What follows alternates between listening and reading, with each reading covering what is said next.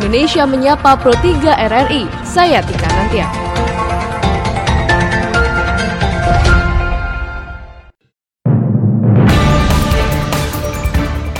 Halo pendengar, selamat datang di podcast Pro 3 RRI dalam Indonesia Menyapa Anda.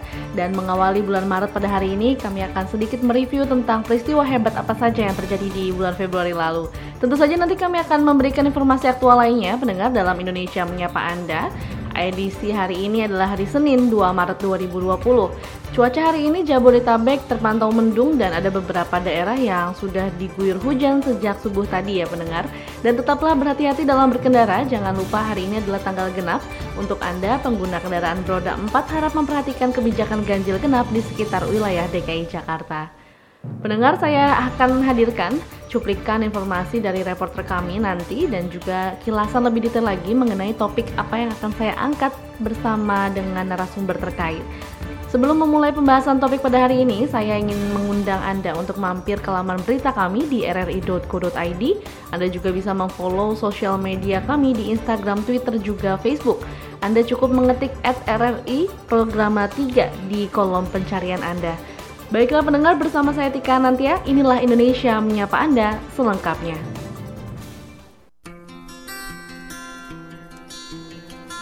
Awal Februari lalu Indonesia kembali berduka dengan kabar meninggalnya ulama besar yang juga merupakan adik kandung dari Presiden Abdurrahman Wahid atau akrab disapa dengan Gus Dur, yaitu Kiai Haji Salahuddin Wahid atau Gus Solah. Kemudian ini disusul dengan adanya pemberitaan bahwa pemerintah sempat dibuat galau oleh pernyataan Presiden Joko Widodo yang dengan tegas menolak pemulangan warga negara Indonesia yang merupakan alumni ISIS dari Suriah, Iran, dan juga Irak. Kegalauan ini dimunculkan oleh Menko Polhukam Mahfud MD karena hal itu dianggap melanggar hak asasi manusia. Dan pendengar ini Indonesia kembali dihebohkan dengan pernyataan dari Komisi Pelindungan Anak Indonesia atau KPAI yang menyatakan bahwa tanpa penetrasi seorang wanita dapat hamil saat berenang bersama dengan laki-laki di kolam renang yang sama. Kemudian ada kabar perubahan status Indonesia menjadi negara maju ini dibuat oleh Amerika Serikat justru akan merugikan kita secara data dan juga dari segi ekonomi dari mata dunia. Dan kemudian penyebaran virus corona di Asia ini berdampak bagi pergerakan ekonomi dan pariwisata di hampir seluruh dunia yang memiliki kesinergian kerjasama dengan China dan juga negara terdampak lainnya.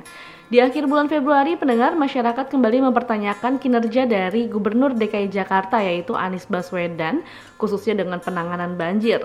Terlebih beberapa hari yang lalu, ini kita rasakan bersama bahwa banjir besar melanda DKI Jakarta secara merata. Baik pendengar itu tadi sekilas review peristiwa yang terjadi di bulan lalu dan pada hari ini topik yang akan saya bahas adalah pernyataan Presiden Joko Widodo tentang dua orang warga negara Indonesia yang sudah positif tertular virus corona. Namun sebelumnya saya awali terlebih dahulu dengan informasi bahwa proyek kereta cepat Jakarta-Bandung ini dihentikan sementara selama dua minggu ke depan. Penghentian ini dilakukan karena banyak yang menuding bahwa pembangunan ini sebagai penyebab banjir di ibu kota Jakarta. Dan selama proyek dihentikan, Kementerian Pekerjaan Umum dan Perumahan Rakyat akan melakukan evaluasi. Informasi selengkapnya akan disampaikan oleh Khairul Umam. Pak, kayak orang itu lahir. lahir.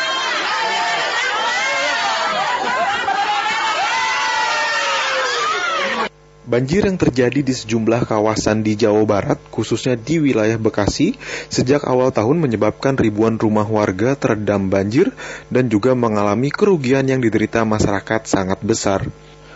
Wakil Gubernur Jawa Barat UU Ruzanul Ulum mendesak pemerintah pusat untuk memberikan perhatian khusus kepada daerah-daerah di Jawa Barat, khususnya wilayah penyangga ibu kota yang dilanda banjir besar. UU Ruzanul Ulu menyebutkan, selain faktor alam seperti curah hujan yang tinggi, penyebab banjir juga disebabkan oleh faktor-faktor teknis lain, yaitu sistem drainase dan berkurangnya ruang terbuka hijau yang menjadi lahan serapan. Hingga proyek pembangunan infrastruktur nasional yang diduga wakil gubernur Jawa Barat tak punya amdal yang menyebab terjadinya banjir di wilayah Jawa Barat. Penyebab banjir di sini satu faktor hujan datang atau hujan turun air datang. Tetapi ada beberapa hal. Dua juga adanya pembangunan yang berskala nasional.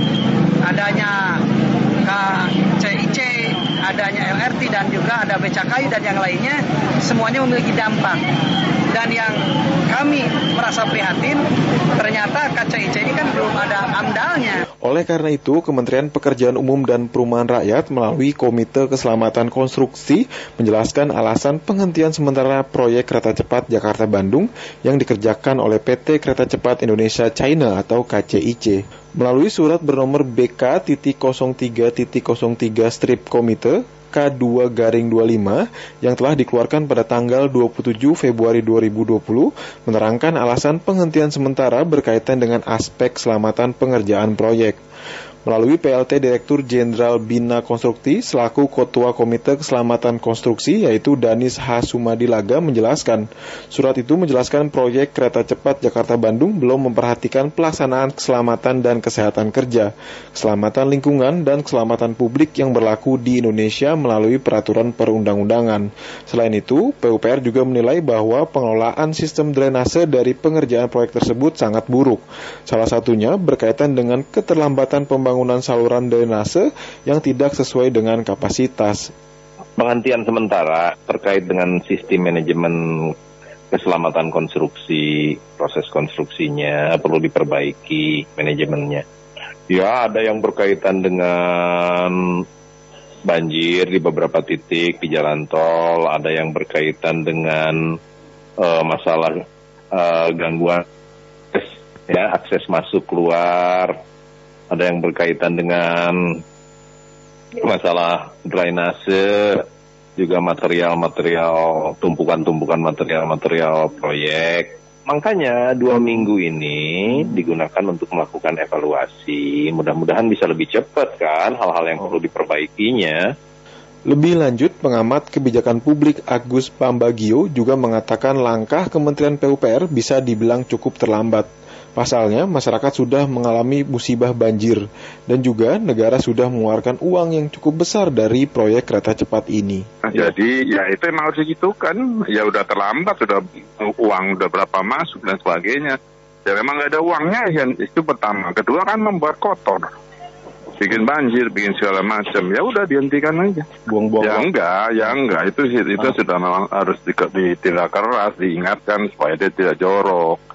Tapi tidak hanya kereta cepat, nanti sebentar lagi semua pembangunan infrastruktur dihentikan karena sudah krisis dan akan dibangunnya apa uangnya akan dipakai untuk membangun membangun yang lain yang padat karya seperti waktu kita krisis tahun 98. Atas sejumlah persoalan itu, Komite Keselamatan Konstruksi telah memutuskan penunda pengerjaan proyek tersebut selama dua minggu, terhitung sejak tanggal 2 Maret 2020. Danis meminta agar pengelolaan konstruksi berpedoman pada peraturan Menteri PUPR tentang SMKK yang menjamin keselamatan konstruksi, pekerja, lingkungan, dan publik. Dari Jakarta, Herman Pro 3 RRI melaporkan. Pendengar bagaimana tanggapan kami terkait dengan penghentian pengerjaan proyek kereta api cepat Jakarta-Bandung dan sebaliknya ini?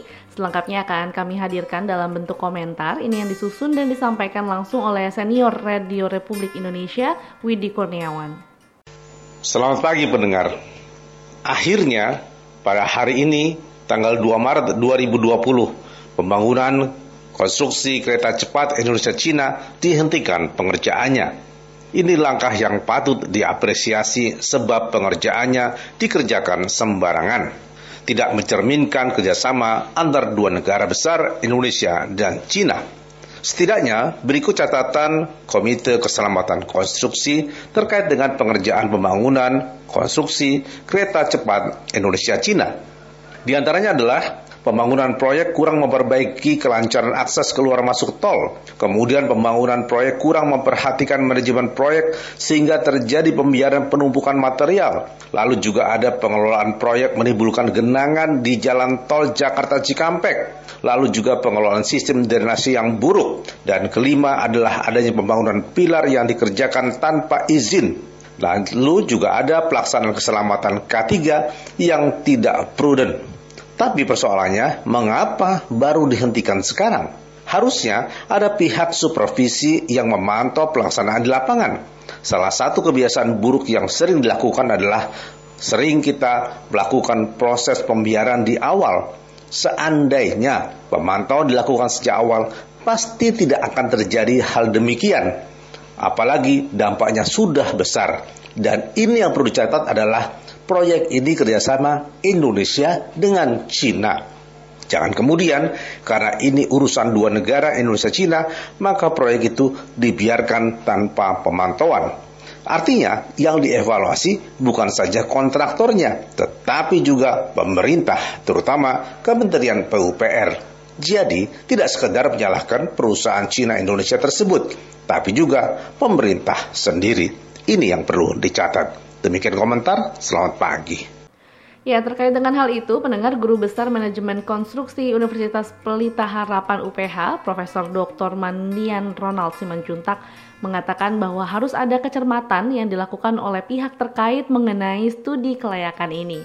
Manlian juga menegaskan kepada masyarakat agar mereka mengerti terlebih dahulu bahwa ini merupakan penghentian sementara, bukan penghentian tetap. Dan hal ini dilakukan agar masyarakat memiliki perspektif yang benar dan tidak mengada-ngada mengenai opini-opini yang tidak benar. Semua ini harusnya diperhatikan dan dicermati lebih awal, lalu dicek kembali mengenai adanya studi kelayakan atau tidak. Dan Manlian juga menjelaskan bahwa penghentian ini sebenarnya merupakan teguran bagi PT Kereta Cepat Indonesia Cina atau KCIC dan kontraktor. Seharusnya pihak terkait ini mencermati dari awal benar karena yang diketahui pembangunan ini nantinya akan dibangun di antara jalan tol, lalu perjalanan di bawah tanah dan juga di antara beberapa persimpangan. Berikut cuplikan dari Guru Besar Manajemen Konstruksi Universitas Pelita Harapan, Profesor Dr. Manlian Ronald Simajuntak terkait dengan hal ini. Bagi saya sebenarnya mm -hmm. ini berdampak kepada supaya para penerima jasa secara khusus ya mm -hmm. kontraktor itu benar-benar mencermati dengan baik dan benar. Yeah. Nah, kenapa? Karena proses konstruksi ini kalau kita lihat bagaimana statement pemerintah ya disampaikan oleh Dirjen Bina Konstruksi Bapak Danis. Mm -hmm itu ada enam atau tujuh enam poin yang penting ya. ya. Nah harusnya hal itu kan sudah diperhatikan dari awal. Betul. Ya? Nah kenapa dari satu Januari itu sebenarnya terlihat sampai sekarang eh, kemarin lah kira-kira itu 25 25 Februari itu terlihat dampak yang begitu besar betul ya. Mm -hmm. Yaitu uh, adanya genangan banjir di sepanjang jalan tol di beberapa area begitu. Mm -hmm. Nah ini harusnya diperhatikan dan dicermati dari awal begitu.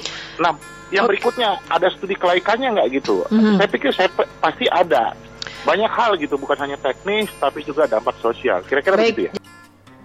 Sementara pemerintah sendiri, pendengar ini bersama dengan Menteri PUPR RI, ada Komite Keselamatan Konstruksi sebagai pembina yang diketuai oleh Dirjen Bina Konstruksi. Jadi, Komite Keselamatan Konstruksi ini bukan hanya memiliki tugas bukan hanya pada saat kegagalan saja, tetapi harus cermat juga dalam memikirkan suatu masalah sebelum akhirnya ada dampaknya. Dan semua itu dilakukan agar mengantisipasi dan mencegah dampaknya di akhirnya nanti. Seharusnya dari awal ini diperhatikan yakni amdalnya terlebih dahulu. Karena hal itu merupakan dokumen penting untuk menjadi studi kelayakan proyek. Uh, saya percaya desain secara teknis itu baik mm -hmm. dan mampulah begitu. Namun beberapa kejadian konstruksi, kegagalan konstruksi, kita harus mencermati benar yang namanya studi kelayakan proyek (FS). Ya pendengar kita berharap semua semoga dalam dua minggu ke depan ini pihak terkait dapat mengevaluasi administrasi ya proyeknya karena sering kali ini eh, pembangunan seperti ini hanya dilihat dari teknisnya saja atau teknisnya terlebih dahulu tapi kadang-kadang lupa sama kadang-kadang lupa sama aspek administrasinya. Baik pendengar kita beralih ke informasi lainnya. Ini ada kabar mencengangkan dari Presiden Joko Widodo yang mengumumkan bahwa adanya warga negara Indonesia yang tinggal di Depok ini katanya terinfeksi corona. Ya, dan pemerintah Indonesia sangat serius dalam menangani dan mengantisipasi persebaran virus corona ini agar tidak menyebar luas lagi di Indonesia. Dan dalam keterangan pers di teras belakang Istana Merdeka pada hari ini, Presiden Joko Widodo mengatakan bahwa pemerintah Indonesia sudah menyiapkan berbagai hal secara lengkap, mulai dari anggaran, persiapan rumah sakit hingga standar isolasi penanganan infeksi virus. Dan Menteri Kesehatan Dr. Terawan Agus Putranto ini menjelaskan bahwa asal mula dugaan dua orang warga Depok yang terkena virus corona ini mereka terjangkit setelah salah satu dari dua orang itu berhubungan dengan warga Jepang. Ia mengatakan bahwa salah satu korban yakni wanita berusia 31 tahun ini adalah seorang guru dansa. Ia berdansa dengan teman dekatnya yang merupakan warga negara Jepang di salah satu klub dansa di Jakarta. Untuk kronologisnya, pendengar pada tanggal 14 Februari ini wanita ini berdansa dengan temannya yang merupakan warga negara Jepang. Kemudian tanggal 16 Februari, wanita ini eh, batuk-batuk, tidak enak badan hingga akhirnya ia pergi ke rumah sakit untuk rawat jalan. Kemudian pada tanggal 26 Februari, ia meminta dirawat saja karena batuknya tidak kunjung sembuh. Nah, ini kemudian di tanggal 28 Februari ia dihubungi oleh teman dekatnya yang dari Jepang tersebut bahwa ia positif terkena virus corona dan saat itu sedang dirawat. Ya, temannya dari Jepang ini diketahui memiliki positif corona usai mendarat di Malaysia. Setelah diberitahu oleh temannya bahwa temannya memiliki positif corona, maka ia meneruskan kabar tersebut ke dokter dan perawat di rumah sakit tempat dia akhirnya dirawat. Dan kemudian wanita ini dibawa ke RSPI pada tanggal 29 Februari hingga saat ini masih dalam perawatan intensif. Selain dari wanita yang berusia 31 tahun ini, pendengar ibunya juga positif terjangkit virus corona. Namun detailnya terkait dengan ibunya belum diketahui ya secara publik karena ini masih dalam proses identifikasi. Ya, dengan adanya kabar ini, pendengar sebaiknya Anda berantisipasi dalam uh, melakukan kegiatan ya, khususnya untuk di luar rumah. Jangan lupa menggunakan masker saat berpergian dan Anda harus menjaga kesehatan pendengar. Tetaplah selalu menjaga kebersihan. Mungkin Anda perlu mencuci tangan setelah bersentuhan atau bersalaman dengan orang lain dan harus pakai sabun ya pendengar ya. Baiklah pendengar, informasi tadi sekaligus mengakhiri perjumpaan kita pada podcast edisi hari ini. Anda masih bisa mendengarkan podcast edisi hari ini dan lainnya juga di Spotify dengan hanya mengetik RRI Pro 3 di kolom pencarian. Saya Tika Nantia undur diri, sampai jumpa.